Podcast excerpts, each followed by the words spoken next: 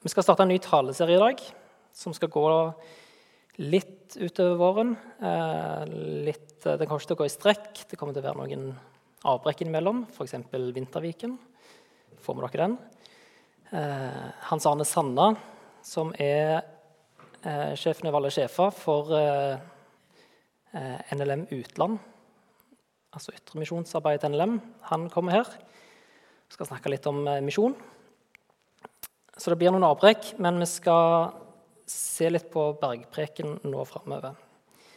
Eh, en tale som vi finner i Matteusevangeliet fra kapittel 5 til 7, som Jesus holdt. Og I dag skal vi ta for oss den første halvdelen av kapittel 5, kapittel 5 vers 1 til 20. Um, ja.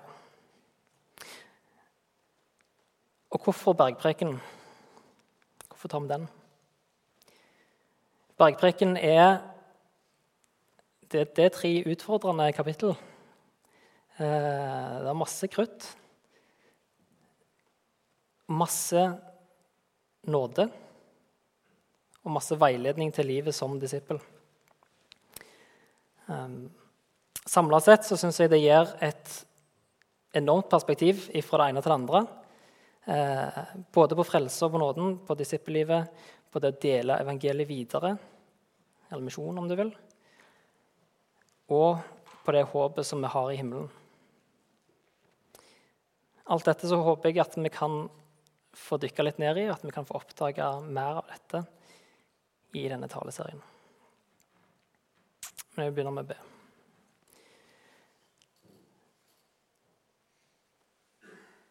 Kjære far, takk for ditt ord. Takk for at vi kan få lov til å samles her for å høre ditt ord. Takk for at dette ble skrevet ned, sånn at vi kan få lov til å sitte her i dag og få lov til å ta det inn over våre liv. Jeg ber om at du må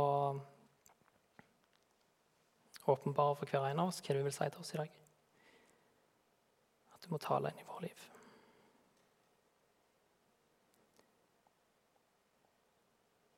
Amen.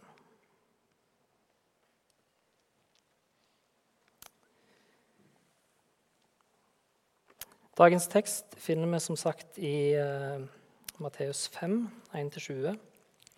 Vi skal ikke lese alt i strekk i dag. Vi skal lese det litt uh, stykkevis, men vi begynner med vers 1-12. Da Jesus så folkemengden, gikk han opp i fjellet. Der satte han seg, og disiplene samla seg om han.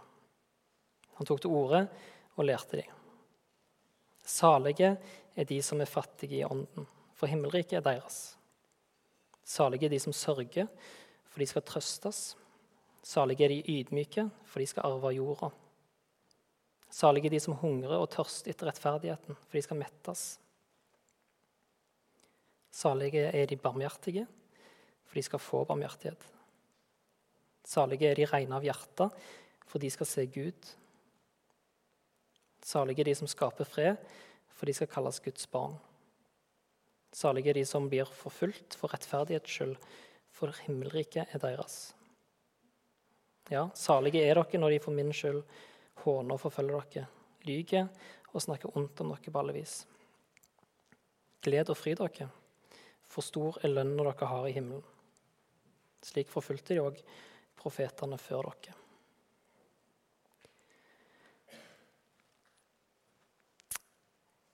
Jesus har her tatt med seg disiplene opp i fjellet. Nærme sjøen og nærme låglandet, lavlandet, hva jeg skal kalle det. Eh, der var det jo beitemarker. Kunne ikke samle en hel folkemengde der og tråkke ned, eh, ned beitene.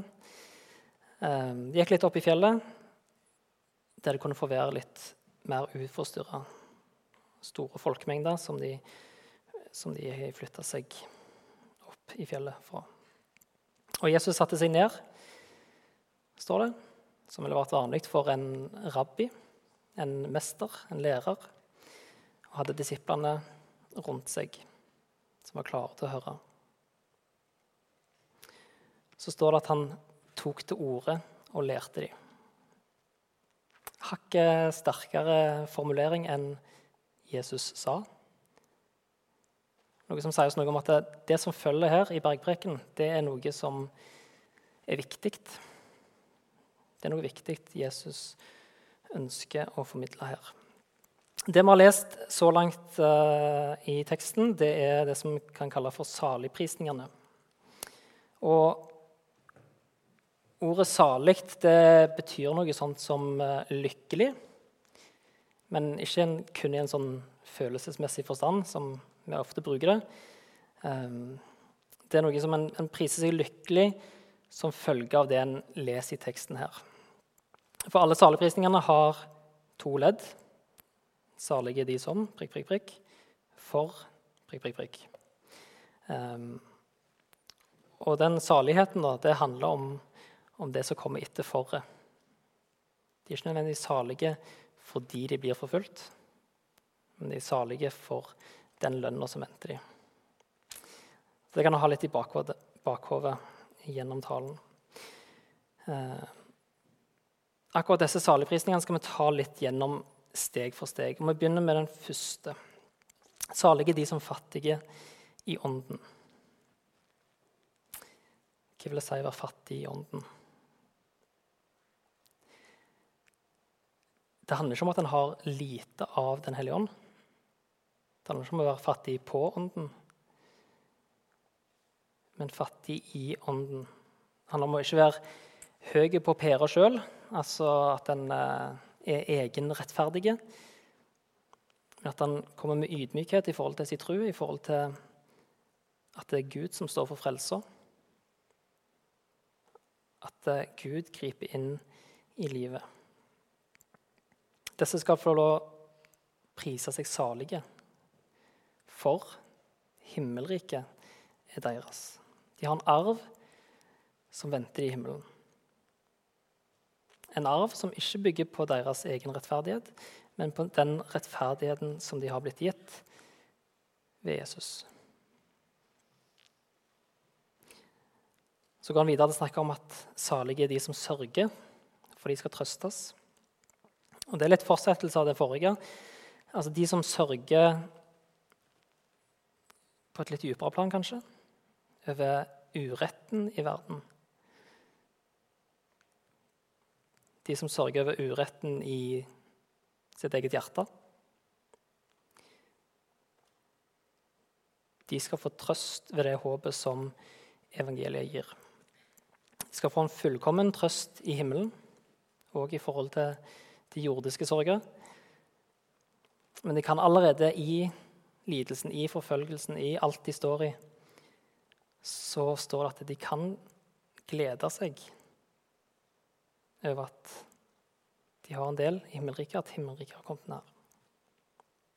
Salige de som er ydmyke, de som har blitt ydmyka, de som ikke har noe å stille opp med sjøl, avhengige av å legge alt i Guds hender. Med andre ord, bare, de, de sørger ikke bare over uretten, men de står midt i uretten. De skal arve jorda. Når vi snakker om arve jorda, så eh, kan fort eh, tankene komme tilbake til løftet til Abraham. Eh, om det lovede land.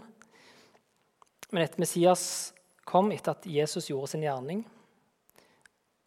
så er denne jorda de skal arve, det er noe større. Det er den nye jord. Man kan lese fra Matteus 1928. Jesus sa til dem, sannelig sier dere, når alt blir født på ny, og menneskesønnen sitter på trona i sin herlighet, da skal òg dere som har fulgt meg, sitte på tolv troner som dommere over Israels tolv stammer.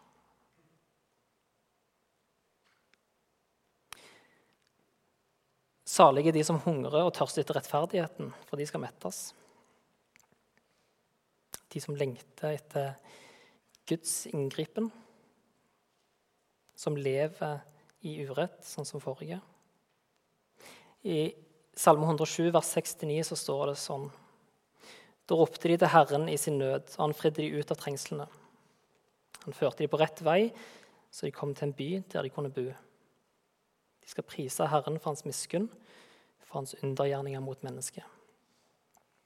Han lot den tørste drikke. Han metta den sultne med gode gaver.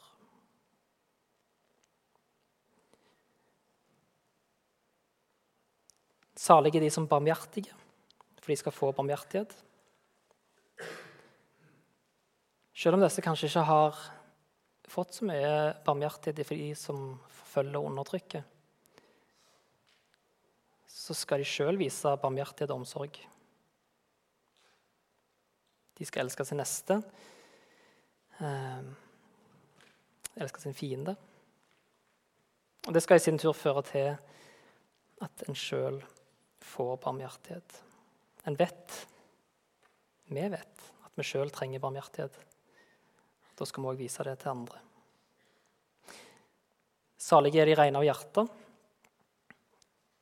De som åpner hjertet sitt for Gud, som ikke prøver å skjule noe. De som lever et liv i etterfølgelse av Jesus med integritet. Som lever um, hva skal jeg si, Viser barmhjertighet, f.eks. Med et rent hjerte. Ikke med baktanker fordi det bare står her, men fordi det er noe som lever i hjertet deres. Disse skal få se Gud. 2. Mosebok 33, 20, så står det at eh, et menneske ikke kan se Gud og leve. Så det henspiller ikke nødvendigvis til å se Gud her og nå, men de skal få se Gud i det himmelske riket, sånn som flere av disse andre har vært innom. Salige er de som skaper fred. Fredsskaperne. Ordet som brukes her, det står kun her i hele Nytestamentet. Kun den ene plassen. Det var en gruppe som heter seloter på den tida.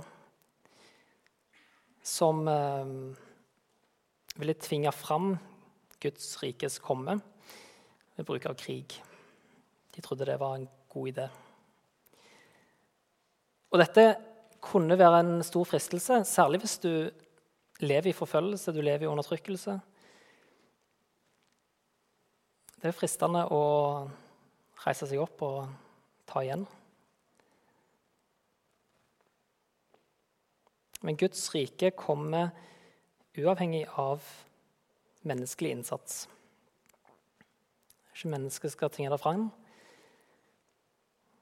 Det står senere i dette kapittelet faktisk at en skal elske sin fiende. Her står det at en skal skape fred. Salige de som skaper fred. Og de skal kalles Guds barn. Salige de som blir forfulgt for rettferdighets skyld. De som blir forfulgt fordi de søker en høyere rettferdighet enn eh, egen rettferdighet. Det handler om Guds rettferdighet. De har sånn lojalitet til Gud og blir forfulgt pga. dette. Det å være en Jesu etterfølger kan beskrives som å gå på rettferdighetsvei. Det kan vi lese i Matteus 21, 32, der det står at Johannes kom til dere på rettferdighetsvei, men dere trodde han ikke. Disse som blir forfulgt for å følge Jesus, de skal òg arve himmelriket. Sånn ble profetene òg forfulgt. Så, sånn som Jesus legger fram her, så skal det egentlig ikke være noen overraskelse. Det er nesten noe vi må forvente. De blir håna, de blir forfulgt, de blir spredt løgner om. De blir snakka drit om. Til tross for dette så skal de få glede seg. Ikke over dette i seg sjøl, men de skal få glede seg for stor er lønna de har i himmelen. En lønn som ligger og venter, men som òg har begynt å åpenbare seg, eh, og som skinner gjennom livet vårt i dag òg. Denne lønna er ikke ei lønn i den form av eh, vi får gjennom jobb. Det er ikke en lønn vi har krav på. Eh, men det er det som en kan kalle for ei nådelønn. Jeg syns det var et fint ord. jeg. Nådelønn. Det er noe som man har Det er kanskje mer i form av en arv. Noe som en ikke har gjort seg fortjent til, men noe som blir gitt som en gave. Sannheten i disse versene som vi nå har vært gjennom, eh, er fullt og helt avhengige av det Jesus gjorde. Håpet, eh, vissheten om frelse og vissheten om himmelen. Eh, det forandrer livene våre her og nå.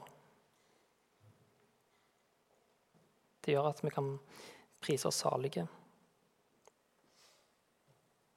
Dette bygger fullt og helt på noe Gud har gjort gjennom Jesus. Bygger ikke på hva vi oppnår.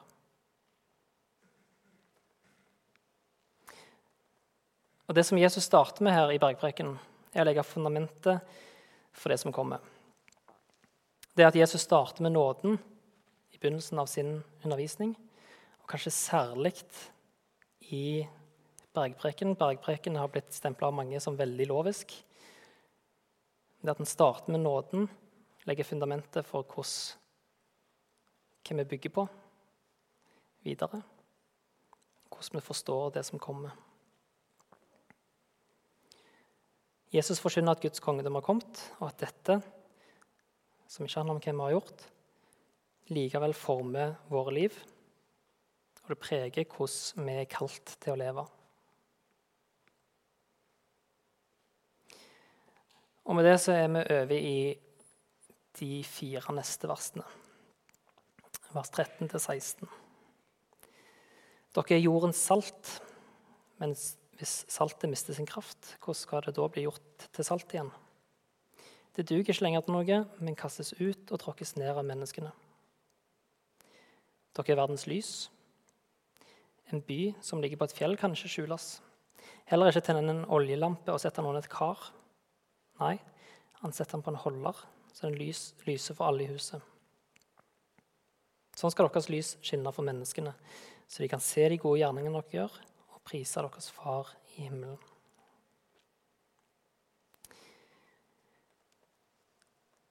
Jesu kongedømme har kommet, og Jesu disipler, Jesu etterfølgere, har blitt lys og salt i verden. Det er der vi har kommet til nå. Og dette lys og salt det, det handler ikke om menneskelig godhet og snillhet og vellykkethet.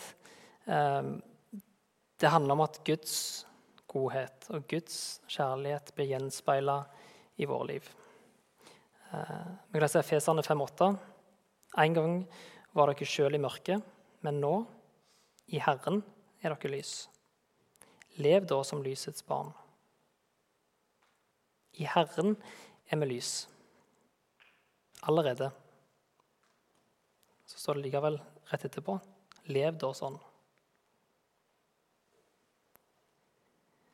Vi er lys, ikke i bakgrunn av oss sjøl, men i bakgrunn av Jesus som verdens lys.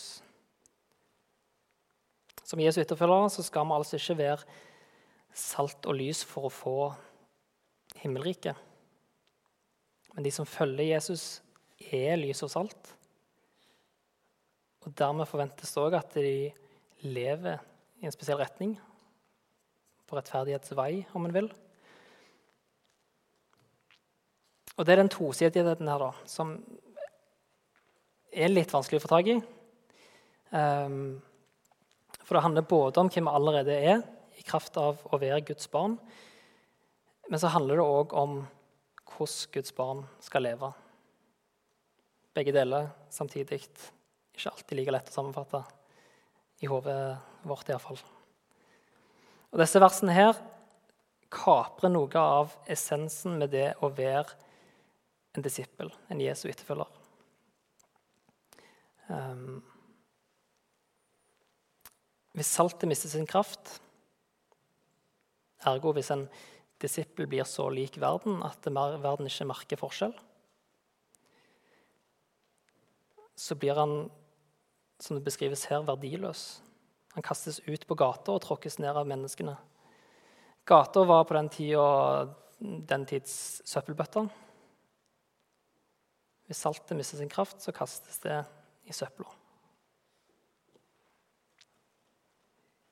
Det er ingen andre enn oss som Jesu etterfølgere, som kan være lys og salt i verden. Lys og salt i mørket. Det er det vi som er kalt det.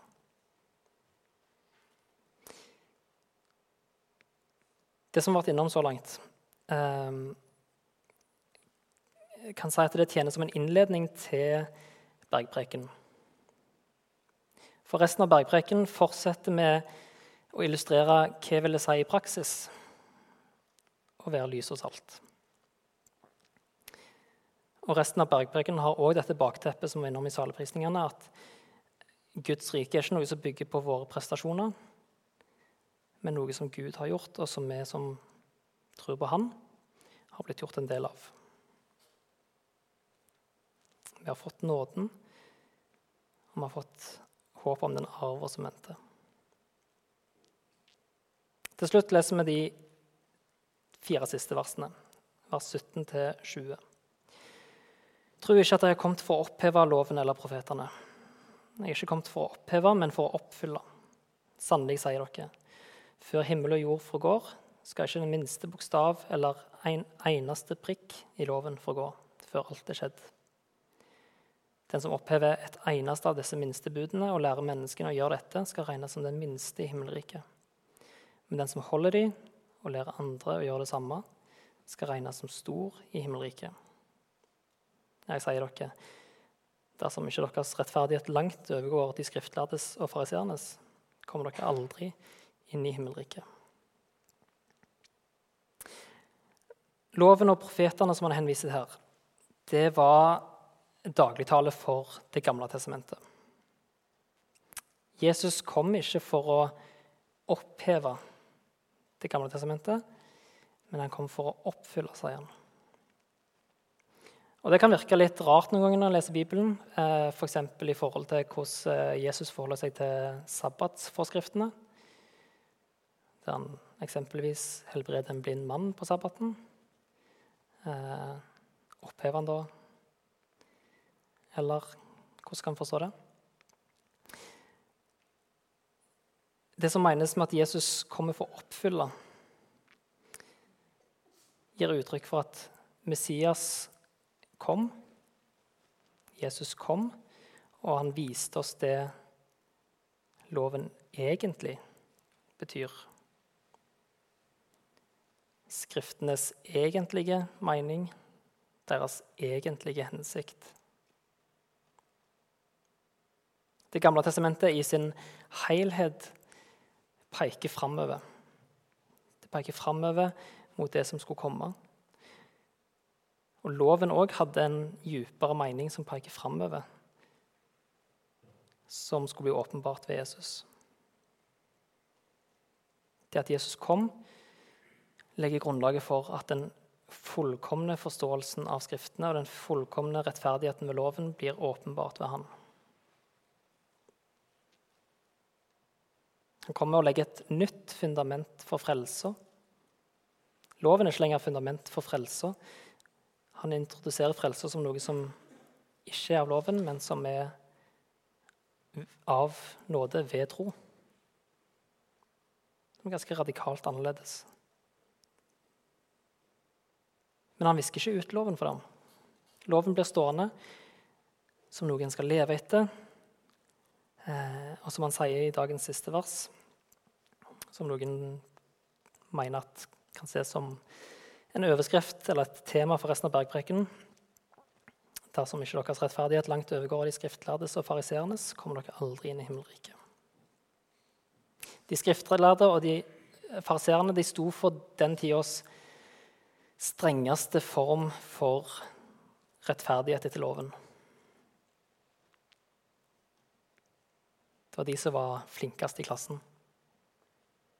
Heller ikke det holdt mål i Guds øyne.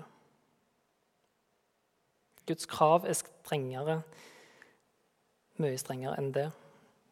Noe som vi skal gjennom den taleserien få illustrert med masse eksempler. Eh, og I møte med disse kravene så blir det tydelig at eh, dette er ikke noe vi klarer sjøl. Det blir tydelig at vi trenger Jesus. At vi trenger å bli fattige i ånden, som det står om. Vi trenger å se vår avhengighet av frelsa ved trua på Jesus. De fleste av oss lever ganske komfortabelt her i Norge. Det tror jeg vi kan være enige om. Um, og alle disse trengslene som nevnes i saleprisningene her, kan kanskje være vanskelig å relatere seg til. Så godt som vi har det, mange av oss, uh, at vi har samfunnet som roper etter oss at det er godt nok sånn som det er, du er god nok sånn som du er. Vi har det kanskje sånn tålelig greit, tenker vi da. Hvilke behov har folk som oss for å bli røska i sånn som dette her? Trenger ikke å høre om det som er vanskelig, for jeg har det jo egentlig greit. Jesus kommer ikke opp på dette fjellet for å holde den korte undervisningen om at du er god nok som du er. Han kommer ikke opp der bare for å bekrefte oss. De han snakker til, de fattige ånden, de som sørger, de som blir forfulgt osv. De trenger ikke bare høre at eh, 'Nei, men du, det er greit. Du er god nok'. Ikke det de trenger å høre. Jesus er en som forvandler mennesket.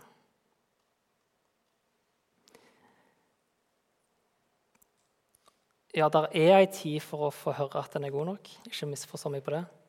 Um, I møte med frelsen så er det ingenting vi kan legge på bordet vi er gode nok til å ta imot Jesus, til å ta imot frelser. Men som et liv som er Jesu disippel, så ønsker Jesus å forvandle oss. I vårt hjerte, i vårt sinn. Vi leser at vi er lys i verden, og vi er skinner å for alle i huset. På den tida var det stort sett bare, iallfall i de fattiges hus, så var det bare ett rom. Så da lyser den for alle, da. Vi er salt, og vi er kalt til å ikke gjemme vekk dette og blande oss inn i mengden i verden. Vi skal være annerledes folket.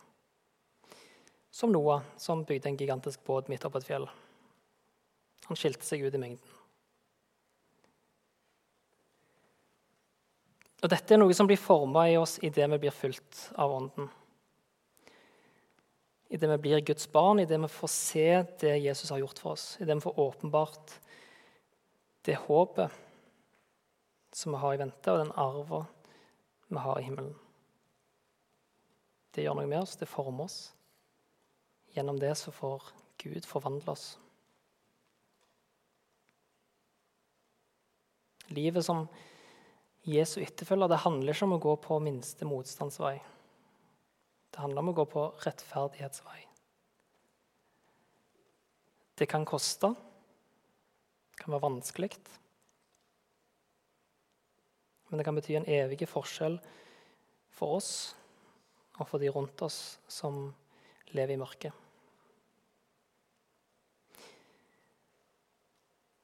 Og vi kan få lov til å leve et disippelliv i håp om at de muligens, kanskje, kan få se oss som annerledesfolket. Kan få se Jesus som verdens lys, som et gjenskinn i oss. At de ikke bare hører våre ord, det vi sier, men at de ser de gode gjerningene vi gjør, og priser vår Far i himmelen.